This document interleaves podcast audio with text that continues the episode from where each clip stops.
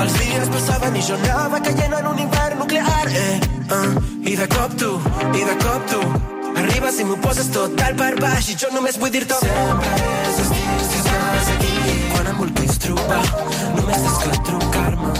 Ring, ring. S'apropa l'estiu més incert, molts de nosaltres cada vegada veiem menys clar que el viatge que teníem programat el puguem fer o que puguem agafar el vol que fa mesos que teníem reservat, però això no vol dir que l'estiu del 2020 no pugui ser un bon estiu. Ara al suplement ens proposem redescobrir el país, buscar alternatives als plans d'aquest estiu. Ho farem amb l'Òscar Marín, que és redactor de Descobrir Catalunya, l'Èrica Aspas, redactora de la revista Time Out, i també el Jordi García Guitar, fundador de l'agència de viatges Terres Llanes, impulsor de la campanya Locos por Viajar. Anem a pans, més música. dius que m'estimes durant els següents 20.000 de. Si nedar amb pilotes, te cal si deixar que se'n parla de ballis termòmetres a 25. Òscar Marín, redactor de Descobrir Catalunya. Bon dia. Hola, bon dia. Com estàs, Òscar? Molt bé. A més a més, eh, tens un blog fantàstic que es diu El plaer de viatjar. Eh, com t'imagines aquest estiu, tu, Òscar? Bueno, ara és el moment del turisme de proximitat, bàsicament. Uh, Haurem de, de fer escapades amb la vista posada en el territori més proper, però, vaja, tenim la sort de viure en un país molt ric en paisatges, ric en gastronomia, en cultura popular, en patrimoni, i hem de tenir clar que viatjar pel propi país mm, no és un mal menor, vaja. És, de fet, és la base de qualsevol model turístic sostenible i ara és el moment de comprovar-ho i d'aplicar-ho. Mm -hmm. Que Catalunya era un bon destí turístic, ja ho sabíem, no? Uh, sí. Però potser ara el que ens cal als catalans és uh, reivindicar-lo, perquè uh, no, segurament no, no, no, no tens ganes de visitar el teu propi país normalment quan pots anar tot a, la, a, a, arreu del planeta. Ara la situació és molt diferent i ha canviat, i també aquestes perspectives i objectius, no? Sí, sí, sí. Vaja, mm, el que hem de tenir clar és que si hi ha mi milions de persones d'arreu del món que venen a Catalunya és perquè Catalunya és un, un país molt atractiu i realment amb molt pocs quilòmetres eh, doncs podem passar de la platja a la muntanya a viure experiències totalment diferents. Hi ha llocs que potser els propis catalans no coneixem que són realment impressionants i, i a més passar les vacances a Catalunya és bo per tots, és la millor manera de contribuir a la recuperació de- d'un dels sectors més importants de la nostra economia i a tots els que estimem el país doncs, és la millor manera de- d'estimar-lo, no? és conèixer-lo i descobrir-lo. Així que aquest estiu ens quedarem a Catalunya, però vaja, amb, amb il·lusió. Tu creus que veurem aglomeracions de la Sagrada Família en comptes de per japonesos protagonitzades per catalans? Eh, mm, vaja, m'estranyaria, m'estranyaria, perquè, vaja, hi haurà tota una sèrie de, de normes que haurem de seguir. Uh, encara hi ha moltes incerteses, dependrà de com evolucioni el confinament, la pandèmia, uh, però sí que doncs, caldrà prendre precaucions, seguir normes que en cada moment dictarà el Departament de Salut, cada monument eh, posarà les seves mesures, uh, els allotjaments també estan preparats per, per, doncs, per, per mantenir la màxima seguretat. De fet, la, la seguretat i la confiança seran claus en la reactivació. Voldrem anar a llocs que ens donin confiança, que ens ofereixin certa seguretat de que no ens contagiarem i, i si veiem eh, aquesta mena de cues o d'aglomeracions ja no, no hi anirem, ja sortirà de nosaltres. No? Quins creus que són els llocs que es posaran més en valor eh, aquest estiu eh, de, de la Catalunya que ja coneixem? Sí, vaja, jo crec que sobretot eh, el que ens donarà més confiança i seguretat són les destinacions d'aire lliure, que ens permeten mantenir la distància social que requereix l'actual situació sanitària, no? i també hauríem de fixar-nos en pobles petits i amb poca afluència de persones. Eh, en tenim moltíssims, no sé, us en puc recomanar molts, perquè me'n conec molts de molt xulos, però, per exemple, els pobles de les Terres de l'Ebre i del Camp de Tarragona són ideals per gaudir amb tranquil·litat. A la Terra Alta tenim pobles com Horta de Sant Joan, amb la Via Verda al costat, que es pot recórrer en bicicleta en paisatges molt refrescants, com el riu Canaletes, i també al Priorat tenim pobles eh, preciosos, tenim parcs naturals eh, molt, molt interessants, mm, i, i molta gent doncs, no, no els coneix prou, i crec que hem de tornar a, a retrobar-nos amb la natura, a visitar aquests parcs naturals, a, a gaudir de l'aire lliure i del turisme rural també.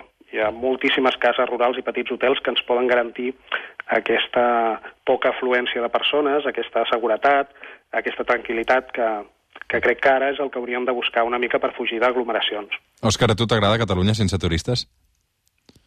A mi eh, m'entristeix una mica que no tinguem eh, el turisme, sobretot perquè hi ha molta gent que en depèn del turisme. Llavors, eh, el que hem de fer nosaltres doncs, és mm, visitar aquests llocs, omplir-los de vida i omplir-los de, de futur, perquè si ara ens quedem tots a casa, doncs mm, ni, ni gaudirem i tampoc no gaudiran aquests pobles que ens estan esperant. Uh, Òscar, cuida't molt, gràcies per tot. Gràcies. Dancing in the street. De descobrir Catalunya, descobrir la capital o redescobrir-la, l'Èrica Espàs és redactora del Time Out. Com estàs, Èrica? Molt bé, bon dia. Ah. T'he de dir, m'agrada molt la cançó que has posat de Sheeran. Ah, sí? T'agrada molt, Ed Sheeran? Sona sovint també el suplement, Ed Sheeran. Um, clar, vosaltres us heu hagut de reinventar aquests dies, no? Perquè una revista que sobretot el que fa, eh, com vosaltres, és de prescriptora cultural eh, d'una ciutat com Barcelona um, i, i que tot això s'ha congelat o que s'ha fet de manera virtual, um, també us ha obligat a fer molts canvis, no? Totalment. Principalment el nom. Hem passat de set time out a set time in, que ha sigut un, un canvi, un canvi heavy per tots, però crec que, que estem contents, estem fent el que podem, perquè la nostra natura és convidar la gent a que surti, que surti de casa, que coneixi Barcelona, que, Barcelona, però quan tot està mig tancat i la situació és tan incerta, costa, costa molt. Com t'imagines tu aquest estiu, Èrica? Doncs mira, jo estava escoltant l'Òscar i, i farem això, vull dir, serà, serà redescobrir Catalunya amb la família, amb el gos i, i, i també molt contents perquè jo realment no conec Catalunya tant com hauria de ser, així que ho farem. Mm, Com que ets una gran prescriptora, ens has preparat unes, guants, uh, unes quantes propostes. La primera, veure sortir el sol des del mar. Sí, perquè una de les coses més maques que té Barcelona és el mar i podem anar a alguna cosa més que no sigui rostir-nos al sol. Hi ha moltes escoles de surf i altres esports aquàtics per litoral que lloguen material i que també fan classes particulars i realment jugar a una taula, una taula de surf, bueno, pa del surf millor, i veure sortir el sol en remull, jo crec que et dona un xute d'energia de bon matí, que també és un pla que el podem fer al dintre o sigui, per veure com, com acaba el dia. Mm -hmm. Segona proposta, la caseta del migdia, què és? que és, és, és, és molt maco, si no heu anat mai us la recomano.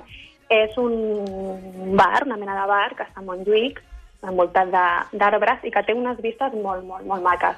Podeu anar a fer una copa, però també fan, fan sopars, i fins al moment, no sé què passarà ara amb tota la incertesa, però també feien saraus molt macos de calçots i rumba i coses així. I el mateix amo, el Mar Ros, també és qui porta els salts, que és el bar de la piscina municipal de Montjuïc. I crec que els dos llocs poden competir a veure qui té les millors vistes de Barcelona. I a Collserola, Can Calopa. Can Calopa. I, i eh, he de confessar que encara no he anat, però em ve moltíssim, molt, molt de gust. Què és Can Calopa? Perquè... Calopa és, jo no sé si la gent sap que a Barcelona s'hi fa vi, no som el Penedès, però... També s'hi fa vi. També s'hi fa vi. La Can Calopa està a Collserola i el gestiona la cooperativa L'Olivera i d'allà surt el Vinyes de Barcelona, que és l'únic vi que es produeix a la ciutat. Va començar sent un vi institucional de l'Ajuntament, que és el propietari de la finca, però es va començar a comercialitzar el 2016. I Cal Calopa, per vi, també s'hi poden fer visites al celler i té una vinoteca on es fan els tastos dels vins que produeix l'olivera. A més, i jo justament ahir parlava amb ells i m'han dit que per aquest estiu han ampliat les terrasses a l'aire lliure per mantenir la distància de seguretat i que estan ja preparant moltes visites teatralitzades, concerts, una zona de pícnic, vull dir que s'estan movent.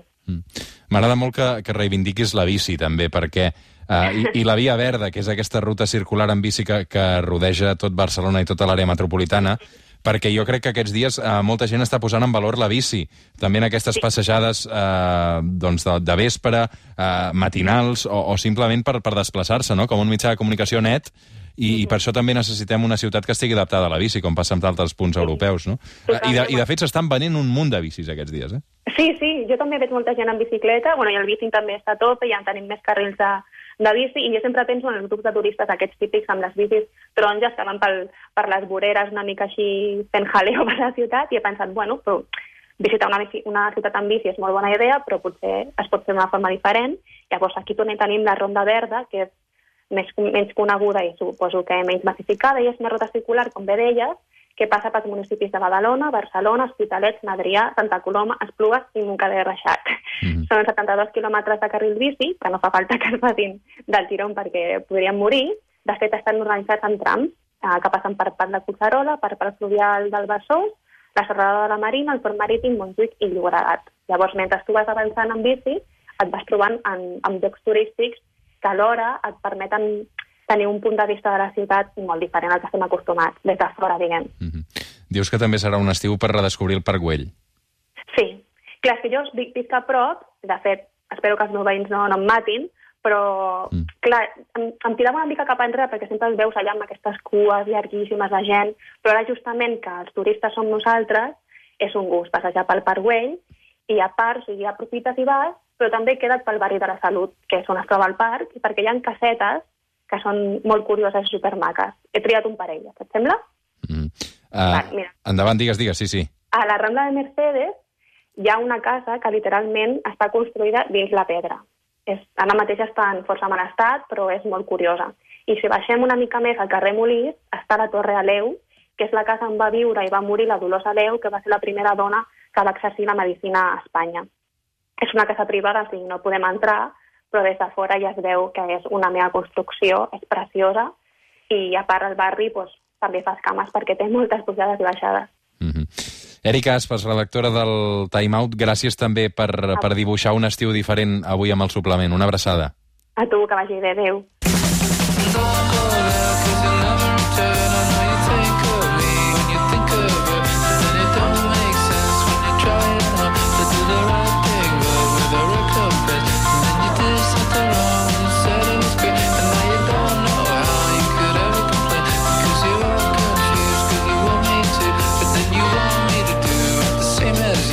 Ritme dels Strokes, que han publicat també aquest Eternal Summer, eh, volem saludar aquesta hora el Jordi Garcia Guitar, fundador de l'agència de viatges Terres Llunyanes, impulsor de la campanya Locos por Viajar. Bon dia, Jordi.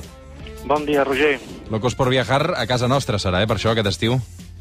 Eh, bé, no, no seré jo qui, qui digui que el nostre país, tot i que és petit, és bonic, però la nostra idea no és defensar les terres properes, sinó les terres llunyanes. uh, escolta'm, um, clar, deuen ser dies molt complicats també per vosaltres, per les agències de, de, de viatges. Um, quin diagnòstic feu de tot això que està passant i sobretot del que vindrà?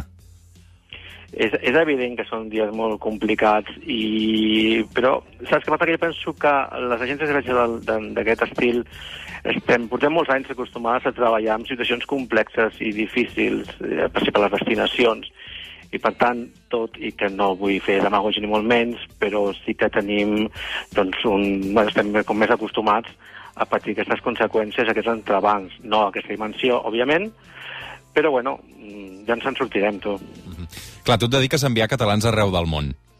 Així és. Bàsicament. Uh, I això no està passant ara, bàsicament, perquè uh, no es pot sortir d'aquest país, no? Um, aleshores, com, com, com redefiniràs també el teu negoci? Doncs aquí estem una miqueta a l'espera. Eh, és curiós, mira, nosaltres a l'agència, en aquestes últimes setmanes hem fet unes consultes als nostres clients i els hem preguntat si, faria, si farien el viatge que teníem pensat abans del, del, del Covid, sigui, la, la visió que tenien per fer aquest estiu. I curiosament ens ha sorprès gratament, ens, el 75% ens ha dit que sí, que si poguéssim viatjarien ja, eh, demà mateix. Aleshores, preparats estem eh, a l'espera de que administracions es posin d'acord, que sanitat es posi d'acord, que companyies aèries es posin d'acord, que a poc a poc comença, sembla, de senyals de que es volen eh, tornar a una certa normalitat, etc etc. Per tant, nosaltres disposats a treballar quan sigui. -huh. uh, I a més a més, um, com explicàvem, ets el fundador de, de Terres Llunyanes, aquesta agència nascuda a Esparreguera i molt activa sobretot a l'Àfrica. Uh, quant temps creus que podrem tornar a, a, a trepitjar l'Àfrica? Quant temps haurà de passar? Mira, ojalà tingués la resposta. Eh? És cert que les últimes setmanes hi ha països del continent que comencen a donar senyals d'esperança, sense anar més lluny, eh, Tanzania aquesta setmana ja va començar a dir que estaria disposada a rebre ciutadans espanyols sense quarantenes, altres països ho comencen també a comentar, a, fer-se, a deixar-se veure. Companyies aèries internacionals han començat a, a recuperar les seves freqüències de vols per volar al continent. Um, clar, també hi ha el factor de, de la por que es puguin tenir a, a que nosaltres arribem allà, no? Eh, és, és curiós el contacte que tenim nosaltres amb els nostres companys d'Àfrica i sempre han fet la mateixa reflexió. Jordi, nosaltres no tenim por a les malalties. Eh, fa anys que vivim i morim amb malalties. Però el que sí que és cert és que sense vosaltres eh, ens, el que ens preocupa és morir-nos de gana. I contra aquesta sí que hi ha una, una vacuna, no? Per tant, és obvi que el nostre tipus de turisme també té una repercussió brutal a nivell, a nivell global, no tan sols a Àfrica, mm -hmm. sinó als diferents continents que es treballen.